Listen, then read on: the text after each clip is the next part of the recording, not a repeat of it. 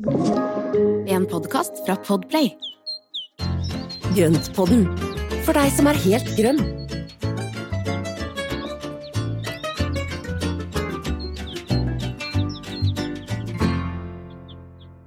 Hallo, alle sammen. Hei, Espen.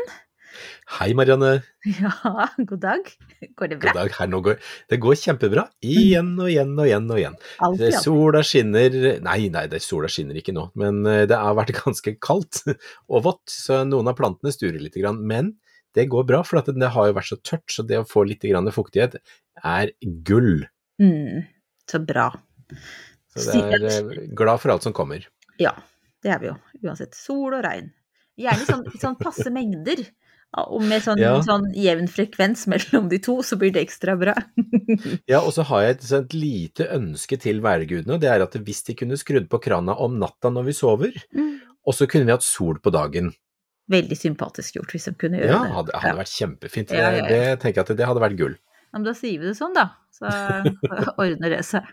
Bestillingen er lagt inn. Ikke sant. Men du, her er det altså Her har det vært sol i dag. Kjempedeilig.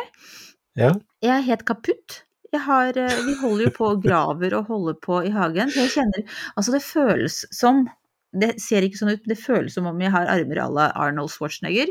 Eh, dette er kanskje en referanse som alle under 40 liksom lurer på hva det her er for noe. Da får dere google. Veldig store armmuskler. Eh, syns ikke utenpå, men jeg er altså så utrolig Jeg har gravd og gravd og gravd.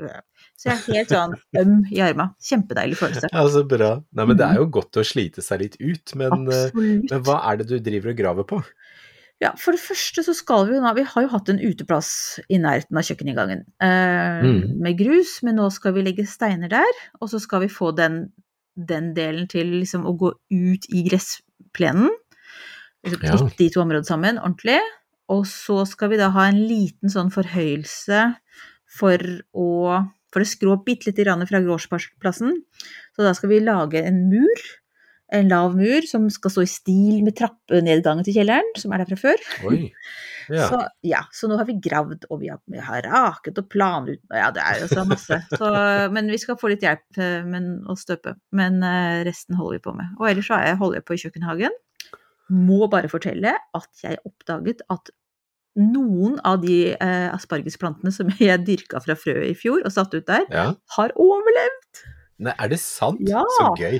det er fantastisk. Det som jeg egentlig tenkte jeg skulle rake over og begynne på nytt i det bedet, nå må jeg liksom fortsette det prosjektet, da. Så jeg kjøper litt Ja, flere planter og Det går an å kjøpe noe nye å supplere med, altså for det. å få litt, litt tettere, litt tettere vekst. Ja, det blir ikke noe mer frø fra frø, altså, for det var en omstendelig prosess. Så, men det var gøy å se at ja, det er- noen hadde overlevd. Ja, Men det er jo noen ganger så er det verdt å kjøpe ferdige planter, for det, det å da dyrke fram fra frø kan noen ganger ta årevis. Mhm. Eh, og det er jo litt sånn som jeg driver med disse sukkulentene også, disse som da er sånne kaudekser med klumpedumpene som jeg snakker om. Mm. Det, no, det tar jo 10 år, 20 år før de blir liksom ordentlig fine, og det er liksom, noen ganger så er det verdt å kjøpe hvis man får kjøpt det da. Så unge er vi ikke at vi nødvendigvis må vente. Det, Nei. Ja, men jeg visste jo ikke, altså jeg var jo helt blank på dette med asparges, så jeg visste ikke at man kunne kjøpe ferdige planter, jeg. Det har jo, forsto jeg idet jeg sto der og skulle søke om, om råd. Og sånn, å ja, her er, å ja, hvis du velger den måten, ja ok, ja. mhm. Yes. For, Så. for de som er spesielt interesserte, så dyrker de helt fra frø. Ja, men så interessert er jeg jo egentlig med hånden på hjertet ikke, men så, nå ble det litt sånn da. Og det fungerer, jeg kan jo si det. Levende bevis på at det går an. Og én en erfaring rikere. Absolutt. Men du, i dag Mm. så skal Ja. vi ikke snakke om asparges, vi skal ikke snakke om graving.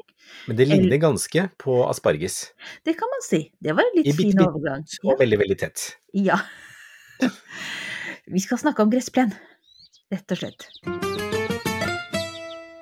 Da er det altså gresset som vi skal snakke om i dag. Um, og det er jo ikke tilfeldig at det kommer akkurat denne episoden. Vi har jo dette herlige samarbeidet vårt med Hageliv og Uterom, og Ja. De kommer med en ny utgave i morgen. Der skriver Grønnpodden om gressplenen. og derfor mm. snakker vi om det i dag også. Um, ja. Og i tillegg til gress så vet jeg at det er utrolig mye annet spennende som kommer i den utgaven av Hageliv og uterom også, for det er jo veldig mye inspirasjon, og jeg vet at det er noen veldig spennende hager på, på, på trykk der også. Mm, kult. Verdt å få med seg. Ja, nei, men det er, det er masse informasjon og inspirasjon mellom eh, permene der. Mm. Men skal vi si Altså, vi har en slags eh, gressmeny, skal vi si det? Vi Den grønne, menyen som, den grønne menyen som følger året. Ja. Så vi har delt det litt opp, slik at først nå så skal vi prate litt om første del av sommeren. Eh, og så etterpå så tar vi siste del av sommeren. Veldig overraskende. og så tenkte vi at vi skulle også da eh, til slutt gå inn på det der med klipping. Eh, ja. Det gjelder jo hele sommeren. Eh, og også det med å anlegge plen. Ja. Um, tar vi en Og det er også, ja, for det er også noe som både kan være tidlig på sommeren, men også sent på sommeren. Så derfor så er det greit å samle opp det til slutten. Så bra. Mm. Skal vi begynne da, på øverste, ved forretten der da, første del. Forretten er jo helt uh, i startfasen hvor uh, altså når vinteren har sluppet taket og med snø og is og, og, og fuktighet, så er jo da gresset ganske flatt og dødt og, og gult, sleipt. Stusslig. ja, stusslig, skikkelig, og man tenker der at dette her kommer aldri til å bli grønt igjen. Nei, Det tenker jeg. Tenker jeg. I år så har det gått gærent. Dette kommer aldri noen gang til å bli grønt. Og så kommer vi ut i mai, og vosj, så er alt grønt igjen.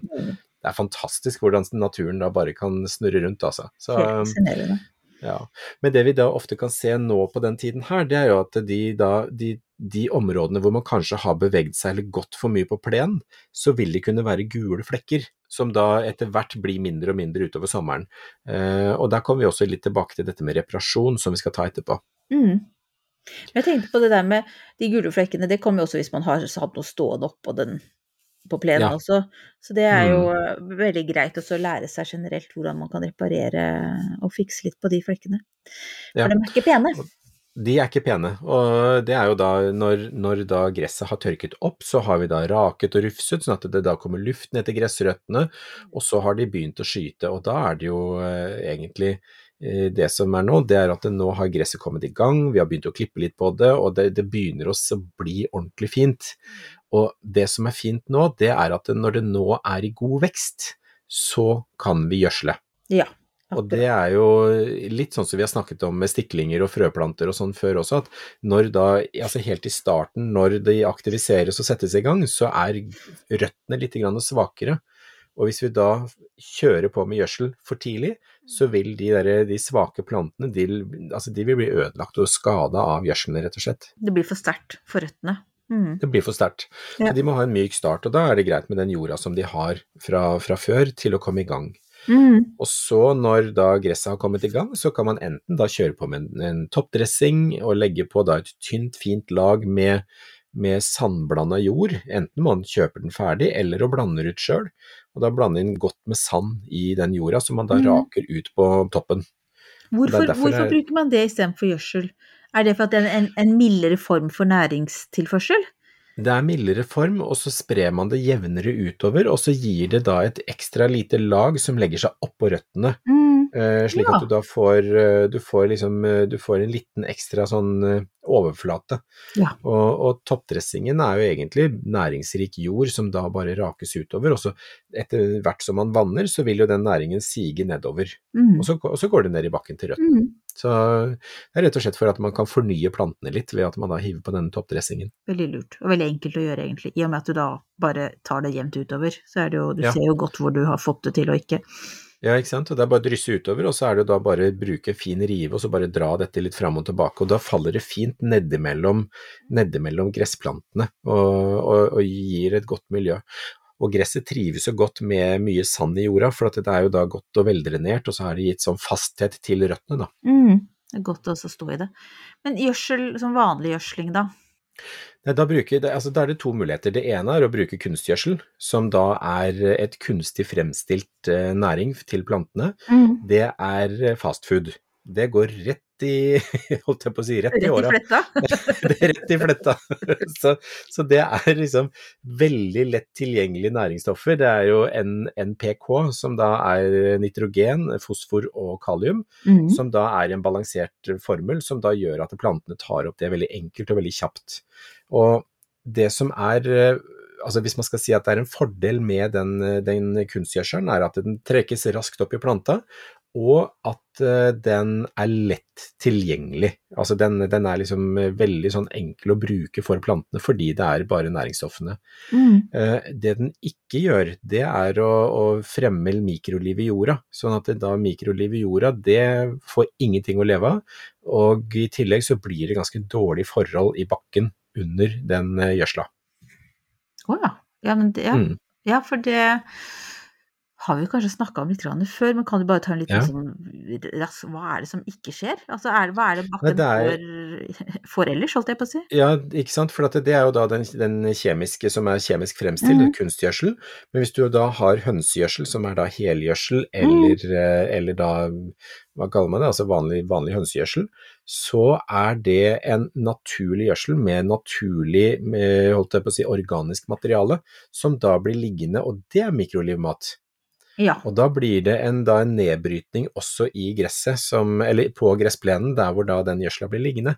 Mm. Og så trenger da næringsstoffene ned, og så må gresset jobbe litt mer for å få næringen, men det er mye mer langsiktighet i den gjødselen enn i kunstgjødsel.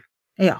Så kunstgjødselen går bare på planta, mens naturgjødsel går på Den helheten. går på mye mer, den Ja. går på helheten. Mm. Og ikke sant, det blir jo som om vi da enten spiser boller og, boller og sukkervann, eller om vi spiser grovbrød med, med ordentlig pålegg. Mm.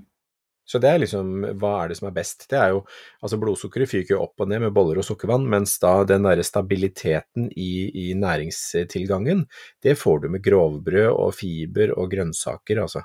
Mm. Og det, sånn, litt sånn blir det for plantene også, at da trenger de den derre naturlige gjødselen, og det er egentlig det beste, syns jeg. Ja, ja, vi kan vel si ikke, Vi avslører vel ikke for mye hvis vi kan si at vi er litt fan av det naturlige her i denne Nei, ikke podden. Ja. Nei. Men uh, uansett hva man velger, da. Hva, hvor ofte mm. skal man gjødsle?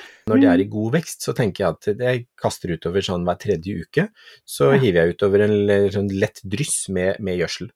Det som er viktig med, med gjødslinga, det er at det blir vanna etterpå, eller at det er rett før regnvær. Fordi at hvis du da bruker, og spesielt på kunstgjødsel, men også litt på hønsegjødsel, er at den er veldig sterk hvis den blir liggende inntil gressplanter. Mm. Så det å få spredd den godt utover, altså ta den i handa, bare liksom kaste den utover sånn at du får en ordentlig god spredning på det. Og så enten så tar du det i det området hvor du skal vanne, sette på sprederen, altså når, når det er lov, mm. men eh, så ikke vi oppfordrer til noe dårlig her. skal vi ikke gjøre. Nei. Men, eh, men eh, da, når du da setter ut sprederen, så bare kaster du gjødsel utover der hvor vannet treffer, og så flytter du sprederen og gjødsler videre der.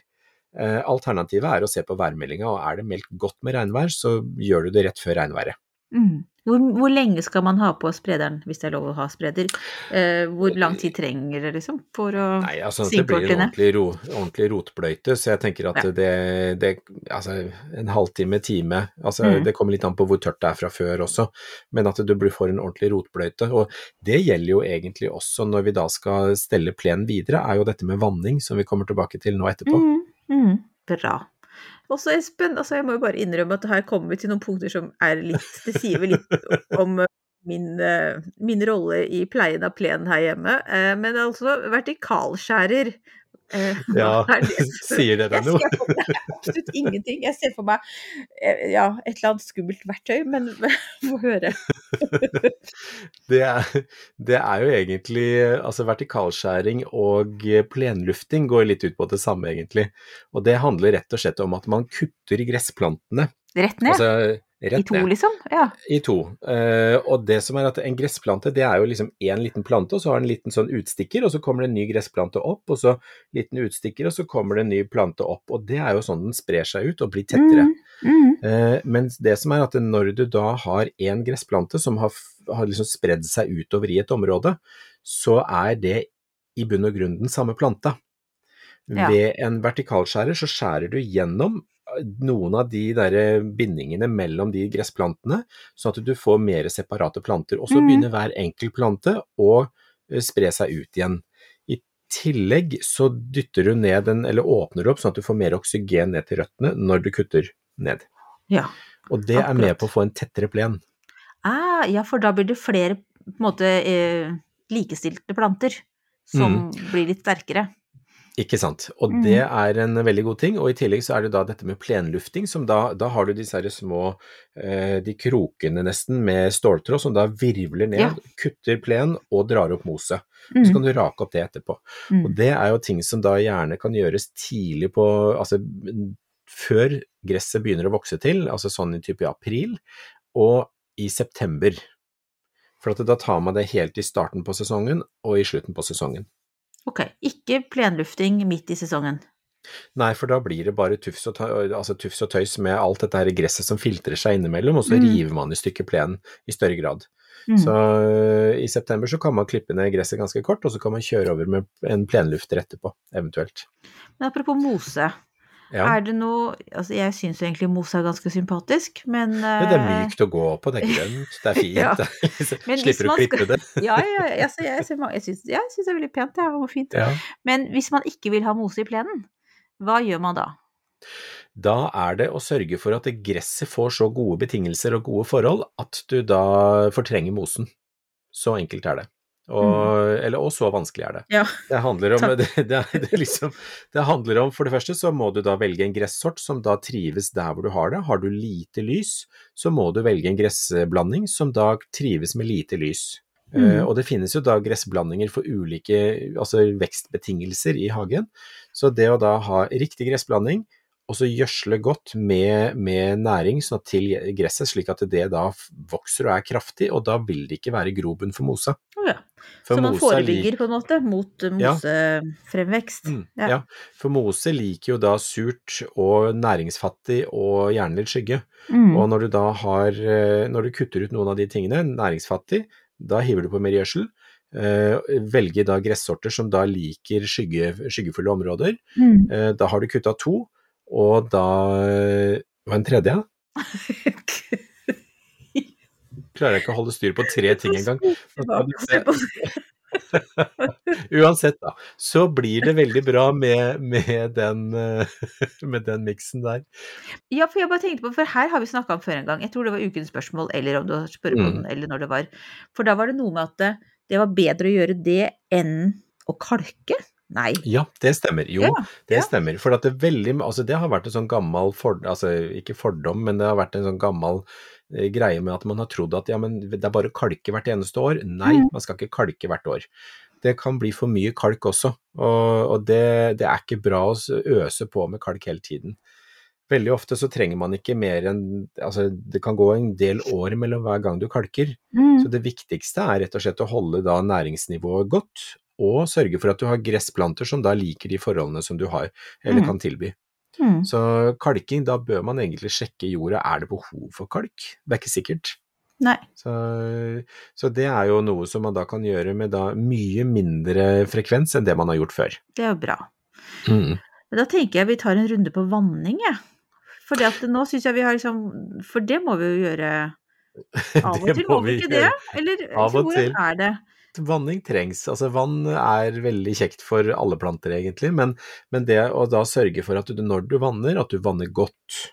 La det få lov å bli ordentlig gjennomfukta et godt stykke ned i bakken, Mm. altså når du først vanner.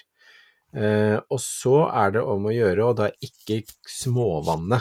Småvanner du, så vil rotnettet bli veldig grunt. Da vil det Mm. bare ligge der oppe, for det behøver ikke anstrenge seg for å komme ned til der hvor fuktigheten er. Så, så da får du en veldig sånn lat plen. Ja, og den er mer sårbar mot tørke, for da går den ikke ned mer. Mm. Mye mer sårbar. Og det er jo da en av de tingene som vi skal si litt om i forhold til dette med klippingen også. Så Mm. er dette her med vanning ganske viktig. Men kan du si da at det litt er som å ukevanne plantene? Jeg vet at man ikke skal, vet at man skal stikke fingeren ned i jorda på, og sånn, så det gjør Ja. jeg nå. eh. Ref, ref tidligere episode. Men Mm. allikevel skal man liksom sjekke jevnlig at plenen skal vannes? Altså blir det som Ja, om en plante liksom på alle andre planter? Ja, det er jo greit å sjekke, og så bare stikke fingeren i jorda og så se, eventuelt og bare kjenne på gresset. Du ser det jo ofte også at det, noen partier på plen kanskje kan være tynnere med jord, ikke sant, at det blir Mm. litt gulere, noen er mer utsatt for sol, altså sol og, og, og fordamping, eh, og så er det andre steder som da ikke trenger så ofte. Ja, man må følge med. Altså plen Følge er ikke med. plen. Plen er eh, kompleks Det er levende. og Ja, det er levende planter. Levende planter. mm. rett og slett.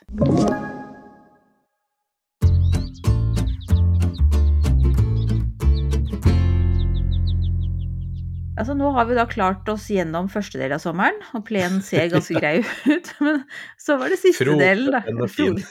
Hvor, hvor på, i kalenderen er vi nå? Hva med, tenker du med siste del av sommeren? Er vi i juli, Jeg eller er vi i august? jeg tenker juli, ja. Ja. Juli er fint. Juli også utover, for at det er jo mye som skjer nå i starten. Nå, nå har den liksom fått grunnlaget, den har fått kommet ordentlig i gang. Og den, det, altså det, det går veldig fort for den første delen. Altså mai og juni er liksom eksplosivarta på Mm. mange måter. Mm. Yes. Siste del av sommeren. Juli. Ja, vi må jo huske på å gjødsle, da. Ja, og det er noe som vi skal fortsette med. For at Mm. det er jo egentlig fortsette med gjødslinga, slik at du da holder veksten i gang og, og tingene i, i god fart. Og, men stopp gjerne i september. Altså okay. når man tar den siste runden kanskje i august, slutten av august, og så et lett, lett dryss ute i september, men ikke noe seinere enn det. For da skal faktisk plantene da begynne å slå seg til ro for vinteren, Mm. og det er viktig at ikke, ikke vi fòrer på med gjødsel da, så det er i veldig fart i veksten når vinteren kommer. Mm. Ikke sant. Så Mm. gjødsling, vanning, er det Ja. noe annet? For nå er det liksom vedlikeholdet, ikke sant? Ja. Klipping kanskje er naturlig klipping. å snakke om. Ja. Klipping, og fortsett å klippe. Og det er jo Mm. også en av de tingene. Jo mer du klipper gresset, jo tettere blir det. Altså hvis du da lar det bli lang lugg på det før du klipper, så vil, vil det bli sånn glissent nedi bånn. Mm. Men- Og det kan man jo se, ikke sant. Og det ser man jo da, ikke sant, Men de som da har robotgressklipper, som da går rundt og tygger hele tiden, så blir den mye tettere, og da blir det mindre ugress, det blir mindre mose, det blir mindre av egentlig alt som da Altså den blir tettere og finere med Mm. ofte klipping. Og det er jo som å toppe planter, ikke sant. Ja. Så vi sier at eh, ja, ja, ja, ja. Så klart. Da blir de tjukkere. Mm. nemlig, når vi topper plantene, så, så setter de ofte sideskudd. Og det er jo da tvinger vi den til å, altså plantene til å, å jobbe sideveis. Mm. Og det samme gjør vi med gresset. Men Vil du si at må man ha robotklipper for at det skal være optimal eh, plenstell, eller kan man det er kanskje mer egeninnsats, da? Med Egeninnsats eller en god samboer som kan piskes ut med jevne mellomrom? Jeg vet ikke. Liten kyborg, liksom. Ja. Ja. Nei, det er, det er rett og slett egeninnsats. Altså, det er jo Jeg har jo da redusert plen, fordi at jeg har liksom putta inn så mye annet rart. Så jeg har jo liksom Dette her er jo gjort på ti minutter. Vosj, er det Mm. hele plenen tatt. Men uh, det er viktig å ta den ofte. Ja. Og heller ta en eh, runde på det, fordi at hvis du tar den ofte, så behøver du ikke rake opp, du bør ikke samle opp plenene. Liksom, da lar du tingene bare ligge, og så faller det ned mellom eh, plantene, og så komposteres det på stedet. Og det er jo også en næring til, tilbake til plenen. Mm. Veldig smart. Så, Hva vil du si er riktig tenker jeg. lengde, da?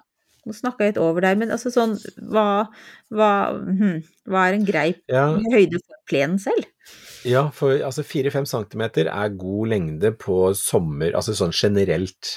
Mm. Eh, ned på 4 cm er egentlig veldig fint på sommeren, og så kan da få lov å bli en rundt 5-6 eh, på slutten av sommeren, når da, eller før høsten kommer, eller før vinteren kommer. Mm. Og eh, det, det, altså grunnen til det er jo at eh, før vinteren så er det greit at det er litt, men ikke for mye. Fordi at hvis den da blir liggende da for, altså altfor høy, og så ligger ned som en svære kladeiser, så Mm. kveler den da røttene gjennom vinteren. Men hvis du da har litt lengde, så beskytter den. Og er den for kort, så blir den sårbar for frost. Ja. Så det er liksom den balansen der. Men er det derfor man også skal ha litt mer lengde på plenen på, på, på våren, når man begynner Mm. å klippe?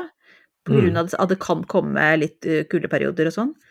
Ja, og så kan det da være, og så holder den, hvis du har litt mer lengde på den, så holder du altså fuktigheten mer stabil nede ved Mm. gressrøttene. Mm. Hvis du har en veldig kortklipt plen, så vil den fort tørke ut, og det er jo det er også en av de tingene som, som er lurt å tenke på gjennom sommeren. Så hvis det er veldig tørt, hvis det er tørkeperioder og sånne ting, så la gjerne gre- gressplenen få lov å bli bitte lite grann lenger. Legge på en centimeter eller noe sånt. Mm. Ja. Og det, da behøver du ikke vanne så ofte. Nei, for det holder den litt mer på fuktigheten. Du vil ikke Mm. dekke mm. til plenen med noe? Altså legge duk Nei, nei, nei. nei.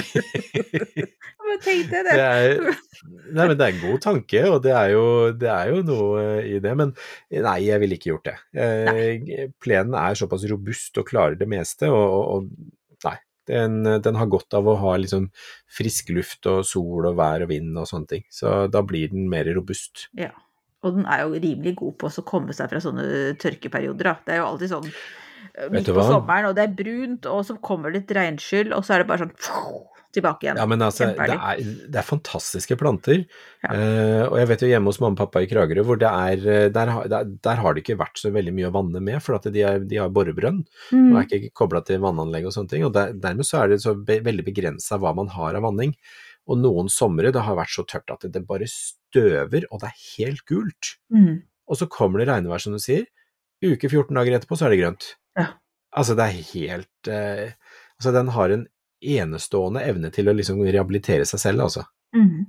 Jeg tenker på det er liksom morsomt, men det er en sånn selvsagt ting i mange hager, da. Selv om man jo nå også snakker om at man ikke skal ha så mye plen, for at det er monokultur og alt det der sånn. Men Mm. det er jo et sted der man kan være sosiale, man kan sette, si, slenge et piknikpledd utover, man kan spille fotball. Altså det er jo, det er jo et møtested, og det at den tåler så mye, det er jo liksom Ja, nesten Vi tar det jo for gitt, men det er jo helt fantastisk. Ja, og så er det noe med å tenke på plenen som, som planter generelt, at man Mm. ikke bare tenker at ja, men den bare er der. Fordi at hvis den får det lille stellet som, eh, med litt ekstra gjødsel og litt vann og litt klipping, så kan den altså bli så fin. Det er ikke så mye som slår altså en helt velstelt, fin plen. Mm. Det er, altså, det er veldig fint, altså. Eh, For å si sånn, det er ikke sånn som her, for her er det veldig mye både groblad, løvetann, mose, alt mulig annet rart, men alt er grønt, da. Det er det. Ja, det er det. det, er, det er, der er lista for meg. Det er altså helt greit så lenge det ser greit ut. Men vi, det er helt nydelig når jeg ser jeg, Vi har da noen Særlig en veldig flink 16-åring. Og, Ja. og Morten, mannen min, som er den som klipper mest. Det er Ja. nydelig etterpå. Det er kjempefint. Det, ja, Det det. lukter godt og Og den lukta, ja. Og vet du Mhm. hva, når du, når du da på sommerkvelder, når du kjenner den der lukta av nyklipt Mhm. gress, mm, frisk Altså, og litt sånn søtt. Herlig. ja, nei, det er Mm. helt fantastisk. Nei, vet du jeg liker jo gress også. Vi liker jo gress, da. Og derfor så skal Ja. vi nå gli elegant over til det der med å anlegge plen. For dem som ikke Ja. har gressplen ennå. Um, mm. Og da er det jo noen som ruller ut, og så er det noen som sår. Vi skal jo nå så litt eh, apropos den eh, uteplassen som vi skal steinlegge og sånne ting. Der har Mhm. det jo, må vi legge Vi må så litt frø ved siden av, for vi har jo gravd der ikke pga. denne uteplassen, men pga. at vi har gravd for at vi skal holde på med noe rørgreier og sånn. Men så Ja. der må vi jo reparere litt og fikse litt. Eh, men eh, hvordan ville du liksom Du ville ikke rulla ut noe ferdig der? Ville du det? Nei, og det går litt på det med reparasjon, ikke sant. Og det, Mm. det jo da hvis du har gule flekker i plenen, eller hvis du da har områder som du har gravd eller gjort i stand og sånne ting, så er det greit å ha en liten pakke med frø liggende, sånn at du kan drysse utover der det trengs. Fordi en sånt lite område, der vil det alltid være greit å få bare drysse ut noe frø, og så vil det komme i takt med, med resten av plenen da, som, som bare vokser og gror. Så og det, det er jo også det at bare rufse opp, la, liksom, la det øverste laget være litt sånn rufsete og fint. Drysse utover og tråkke det flatt, og så la det være. Mm. Og på den måten så vil det med, med tiden bli grønt igjen. Skal man vanne der man har sådd? Nei, eh, Det er, som regel så er ikke det noe vits i, for at det Jeg har gjort det her hjemme nå, for at jeg har jo da gravd opp rørene til dammen for å komme til eh, å få reparert det. Og der har jeg nå Der tok jeg da bare dryssa utover, jeg planerte ut, dryssa ut frø, tråkka det ned. Og så har det bare fått lov å ligge i fred. Jeg har ikke Mm. vanna, ikke gjort noen ting med det. Og nå så er det faktisk helt sånn grønt, fint eh, altså sånn Og det er så nydelig. sånn nydelig, grønt, ja. det derre lyse, grønne, fine Mm. småspirene over det hele. Og de kom jo da rett etter at det regna så fint. Ja. Så Og så begynte de å komme, så det kommer de naturlig. mm, igjen, det er en robust eh, plante. Men Ja. hvis, du, hvis du skulle anlegge plen, ville du da frøsådd? Hvis du har nybygd hvis du har du har liksom bare gjørmebad, og så skal du lage plen, ville Nei. du da liksom gjort det? Nei. Da ville jeg kjørt ferdig. Det Mm. er uten tvil. Det, altså, har du god tid til å vente på en plen som skal komme seg, så er det superfint å så den selv. Det, det er eh, absolutt noe som, eh, som funker fint, men det tar gjerne et år eller to før den er liksom ordentlig grønn og fin og tett. Mm. Det tar litt tid å bygge den.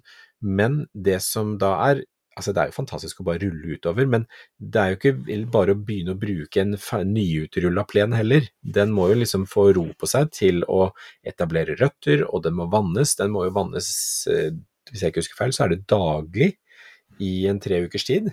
For at du skal holde da den der eh, kontakten mellom røttene under eh, torva, og så ned i Mm. bakken under. Ja, det var jo Ja, ikke dra på ferie den- når man har anlagt Nei, plenen. og så er det kjempeviktig at man da har et godt underlag med da god jord, eh, og gjerne sånn sandblanda jord på toppen, sånn at du da får rufsa opp det sånn at det ligger helt slett og fint og, og stabilt. Og så ruller du ut plen, og da er det viktig at du skjø har skjøtene, de er helt tette butt i butt i butt. Mm. Altså, la de gjerne få lov å gå litt grann opp, og så presser du de ned, sånn at de kommer ordentlig, får ordentlig god kontakt seg imellom. Og på den måten så unngår du at du får alle disse stripene hvor plenen da tørker ut fra sidene. Mm. Ja, det er et sørgelig syn. Ja, det er veldig trist. Mm. Og, og når man da har investert så mye penger i en ferdigplen, så, så er det veldig greit at den blir lagt riktig. Ja. Så sørg for at alle skjøtene har god kontakt med hverandre. Er det liksom siste ord om plen, eller? Har du noe sånn uh, avslutningsvis eh, tips? det Gullkorn. Nei, det eneste, det eneste jeg tenkte på, det er jo da hvis du har lyst på en eh, plen i et område hvor det er veldig mye trafikk, hvor det er veldig vanskelig å liksom få plenen til å gro, så kan man velge noe som heter armert plen. Ok, det må du fortelle om. Ja, og det er egentlig veldig fint, for at da bruker man Enten så bruker du da sånne mursteins Holdt Jeg på å si sånne hullete mursteiner, Ja, det er det eller jeg på, ja. ja. sånne Ja. Og Mm. da finnes det sånne betonggreier som du kan da legge ned, så kan fylles du, altså de fylles med jord, og så Mm. sår du gress oppi der. Og da vil, da vil det være et rutenett av betong, for eksempel, i, nede i gresset, og så vil gresset komme opp imellom, og så kan du klippe over alt sammen. Mm. Da tar du mye, mye mer av dette med gange, altså gåing og, Mm. og bruk og transport av ting, altså. Mm. Så armert plen kan være gøy. Ja, Så bra. Da, da forlater vi det grønne. Nei, vi gjør jo ikke det, da får vi fortsette med nei, andre grønne ting, vi. Ja, det gjør vi.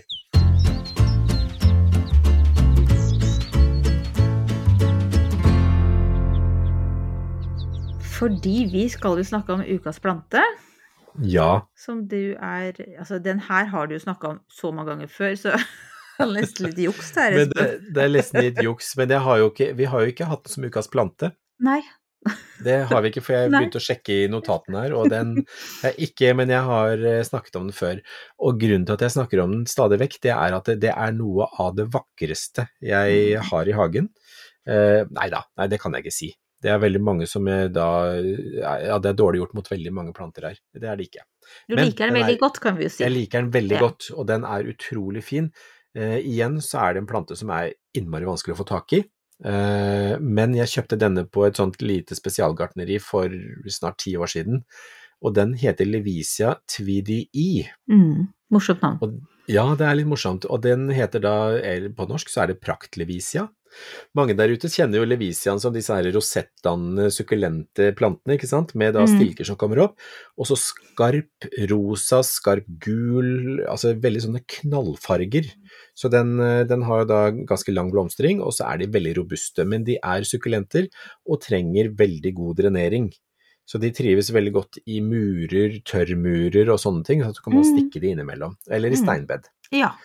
Så, og denne her Praktlevisiaen kjøpte jeg som sagt for mange år siden. Jeg holdt på å miste den fordi det var for fuktig der den sto, eh, og den var ikke god nok drenering, så nå har jeg blanda en jordblanding av jord, halv av halv med knust leka, og så satt den i det på et sted hvor det er veldig god drenering under, på et litt sånn opphøyd eh, Altså jeg satte opp noen steiner, sånn at det da alt av fuktighet vil renne ned og ut. Og etter det så har den virkelig tatt seg opp igjen. Mm. Men er det her, altså unnskyld eh, ignoramus, men har du denne her i potte, så er den staude Altså hva er det vi Det er snakker om? staude, det er staude, det er staude, ja. Det er en staude. Og jeg har hatt den i potte, jeg har hatt den i- stående i bakken, jeg har hatt den nå, nå i et steinbed, og der Mm. funker den best. Hvilken herdighetssone er det vi kan nå med den der, da? Levisian den har jo herdighet fram, altså opp til fem-seks, så den er veldig Å ja. Robust og fin plante, så Mm. virkelig verdt å prøve. Jeg har et par andre her også som er kjempefine. Og de, de mer vanlige levisiaene er jo da altså, ja, kjempefine i blomsten og veldig sånn skarpe i farven, men denne her eh, praktlevisiaen er mye større i blomsten, og så er de en sånn gyllen, fersken aprikosfarve som eh, over til gul, som er bare Ja, det kommer bildet. Mm. Jeg lover. Den er så Mm. vakker, den. Skal jeg bryte inn i, din, eh, din hyllest? Nei, men jeg, jeg har jo sett den, og den er jo Ja. kjempefin. Den er veldig delikat, tenker jeg. Ja, veldig delikat. Og det som er at den blomstrer veldig godt nå i eh, mai, begynnelsen av juni, og så Mm. stopper den. Og da står den bare som en grønn tust, og så noen ganger så kommer den med en sånn eh, runde på høsten hvor da den blomstrer litt igjen, men da ikke så mye. Mm. Men nå på våren eller forsommeren så er den dekka av blomster. Bildet kommer. Bildet kommer. Ja. Da, da går vi videre til ukas spørsmål. Ja, Eh, og det, nå skal jeg finne det frem. Sorry, jeg tok en skjermdump, jeg, Espen. Fordi det her har kommet da via våre, eh, vår fantastiske Instagram-konto. Eh, det er jo Berit som først så spurte om litt eh, vi, har allerede, vi har hatt en liten runde med Berit når det gjelder syriner. Og Mhm. så kom hun da med litt oppfølgingsspørsmål. Eh, hun har altså flyttet på en stikkelsbærbusk, og det har dukket opp en liten skog av syrinskudd. Eh, Som må da ha ligget latent da, i stikkelsbærbusken. Eh, ikke sant. eh, og det hun lurer på, er om disse må Altså, skal syrinskudd tynnes? For det står tett i tett. I en Mm. sirkel med diameter på rundt en meter. Ja. Så hvor mye skal det tynnes for at det skal bli bra med syriner der? Altså så levedyktige, kraftige, flotte planter, eh, Mm. busker, trær. Ja. Uh, ja, det var det første som hun lurte på, om det må tynnes. Og Mm. skal syriner som vokser, vokser opp, beskjæres? Og det er jo egentlig litt avhengig av hva man ønsker å ha ut av det. For at det, det at hun da flytter en solbærbusk og får med masse syriner, det betyr at da har det ligget en del syrinrøtter nede i bakken Mm. som i rotklumpen, som da er fulgt med til nytt sted. Og det er en av de, altså de sy gammeldagse syrinene er ganske invasive, for at de setter så uhorvelig mye rotskudd. Og det Mm. er at når du da begynner å, å se rundt et sånn syrinkratt, så er det sånne rotskudd opp overalt. Og jeg har det her i hagen også, og det, det er jo noen som har stått der fra da huset ble bygd. Uh, og de er ganske sånn leie å bli kvitt noen ganger. Så det er jo da rett og slett å bare passe på, hold din, hold, dra opp eh, de skuddene som kommer for langt ut, og så hold de nede. Men eh, hvis du da vil at noe av det skal komme opp, så kan man jo da la det komme opp med kanskje en halvmeters mellomrom. Eh, og klipp gjerne en gang iblant for å få den tettere fra bunn hvis du vil ha den helt tett busk. Mm. Ja. Så, men bare sørg for at ikke den får lov å spre seg for mye ut sideveis, altså. For at den, den har ingen begrensninger, og den er ganske sånn eh, frampå når den da begynner å spre seg. Syriner er jo veldig levedyktige. Veldig. Du har jo fortalt, jeg vet ikke om vi har gjort det på poden, men vi to i hvert fall snakket om det, at de har jo syrintrær Mm. som nå Vi kan nyte synet av dem i andre etasje, altså blomstene. Fra bakkenivå så ser vi jo liksom ingenting. Så de Ja. må beskjæres kraftig nå. Mm. Eh, og det, altså det, jeg gleder meg til å kunne se dem fra gateplan, holdt jeg på å si. Uh, ja. Og det er litt morsomt, for at mamma snakket om det akkurat det samme for noen dager siden, hvor, hvor da et par av syrinene er blitt så innmari høye, så du ser bare så vidt blomstene på toppen der, er- Mm. du har ikke noe kontakt med de. Og det er jo det som er så fint med syrinen, at den tåler å skjæres ned ganske kraftig, for den Mm. bryter godt fra gammel ved. Jeg ble veldig glad når du fortalte meg det. Du har slitt Ja, å stå på stige. Altså, jeg har holdt på å tryne fra stigen. Jeg har stått og så plukka det. Jeg har jo så lyst på men det er altså, Det er så herlig å fylle vasene med herlig Altså, syrinblomster er jo så vakkert. Men det, Ja, men det det er er det. jo fint Det å er ikke risikere helsa for det, liksom. Det Ja. er en fordel. Ja, og, hvis, og hvis det er så høyt at du da tenker at ja, men de blomstene har jeg ikke noe glede av Nei. allikevel, så klipp ned med en gang. Mm. Ja. Da er det ikke noe vits i å vente til etter, etter blomstringa heller. Nei. Og så vil den da skyte masse nytt fra bånda, og så kan man da sørge for å klippe litt grann med ja, altså kanskje hvert andre-tredje år, da, for å bare få den til å forgreine seg og bli tettere fra bunnen av. Og så får Mm. man da en fin busk fra, som er tett fra bånn. Ja, vi har allerede snikbegynt litt grann fordi at vi driver og graver, og da var det litt vanskelig å få plass til denne gravemaskinen vår. Ja, ikke sant? så av naturlige årsaker så ble det litt, ble litt mindre. Ja, men det som er det, altså bare siste, siste ord om den eh, syrinen der, altså ta gjerne litt mer enn det man tror og tenker, fordi man må huske på at når du beskjærer, så skal den da begynne å vokse til, og så skal det komme opp på et litt nivå igjen. Mm. Og det betyr at det, det er jo det nivået den skal komme opp til som du må ta deg høyde for, og derfor så bør den klippes lavere enn det du egentlig har planlagt som uh, endelig høyde. Ja, ja, det må jeg tenke på. Det var et godt Mm. tips. Men du, da forlater vi syrinene, og så lurer jeg bare på hva du gjør. Hva har du gjort for noe i dag, Espen? Jeg har gravd. Ja. Jeg driver altså fortsatt og graver ut georginer. Eller planter. Jeg har så mye planter. Og nå står de tett, og det står uh, hulter til bulter. Og jeg mista litt oversikten over hvilke farvety altså sorter, farver og høyder jeg har satt sammen hvor.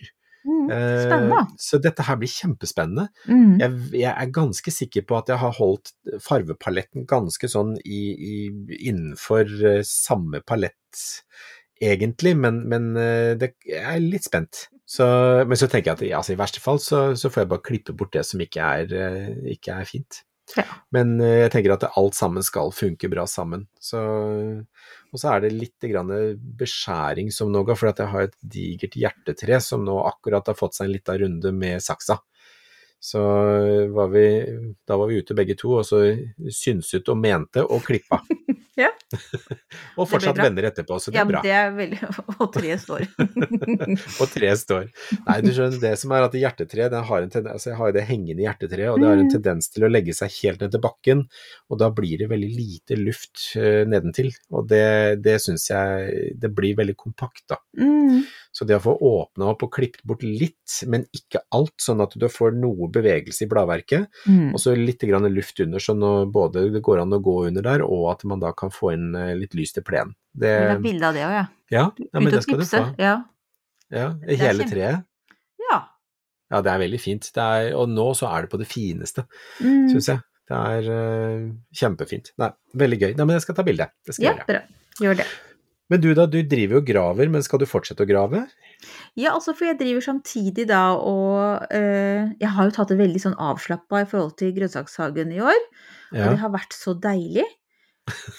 For nå har jeg liksom hatt tid til å holde på med, med hage, altså hovedhagen, holdt jeg på å si. Så, men nå er jeg liksom Så når jeg går ned dit nå, så har jeg liksom så mye energi og får gravd opp litt og får virkelig Jeg syns jeg har blitt innmari god på å grave jord, jeg må skryte av det. så, nå, i dag så har jeg fått eh, Skal vi se, jeg kjøpte noen sånne småplanter med annet rød grønnkål.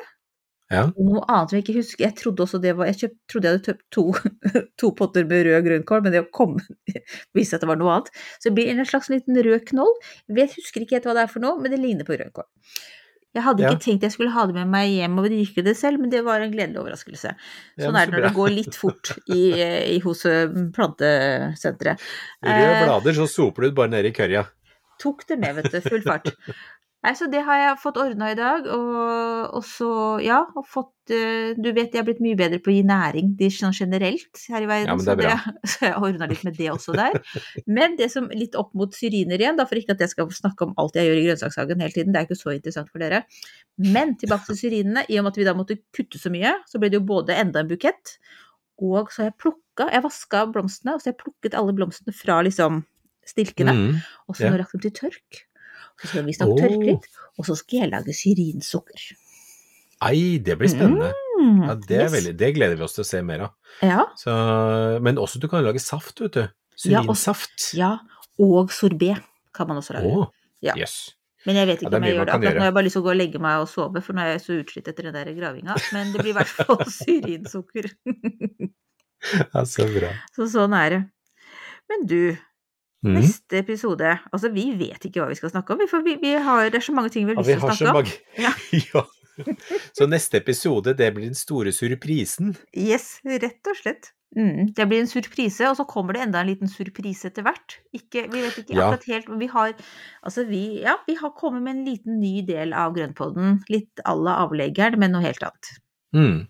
Veldig forvirrende, men nå kan dere lure. Ja, det blir Eh, spennende. Ja, jeg tror det blir kjempebra. Vi, har i hvert fall, vi syns i hvert fall det er veldig morsomt å, å, å jobbe med, med det her. Så Mm. mm. Men i mellomtiden, følg oss i sosiale medier. Eh, ja, vi er jo der, da. Prøver å svare på Mm. spørsmålene deres og Dere er så, det er så herlig å følge dere nå med alle disse fantastiske hagene og uteplassene og ja, blir veldig Ja, det er veldig, veldig mye gøy, altså. Og det Mm. er gøy å holde kontakten, altså. Virkelig. Absolutt. Skal vi si takk for oss, da? Ja, skal ut og klippe gresset. Ja, nei, jeg skal legge meg rett ut. Tusen takk for i dag, alle sammen. Mm, takk for i dag. Ha det bra. Ha det. Ha det.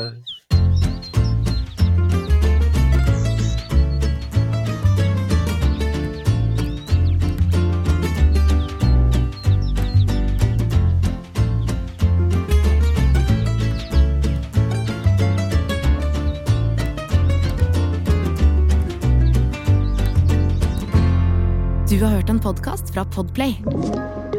En enklere måte å høre podkast på. Last ned appen Podplay, eller se podplay.no.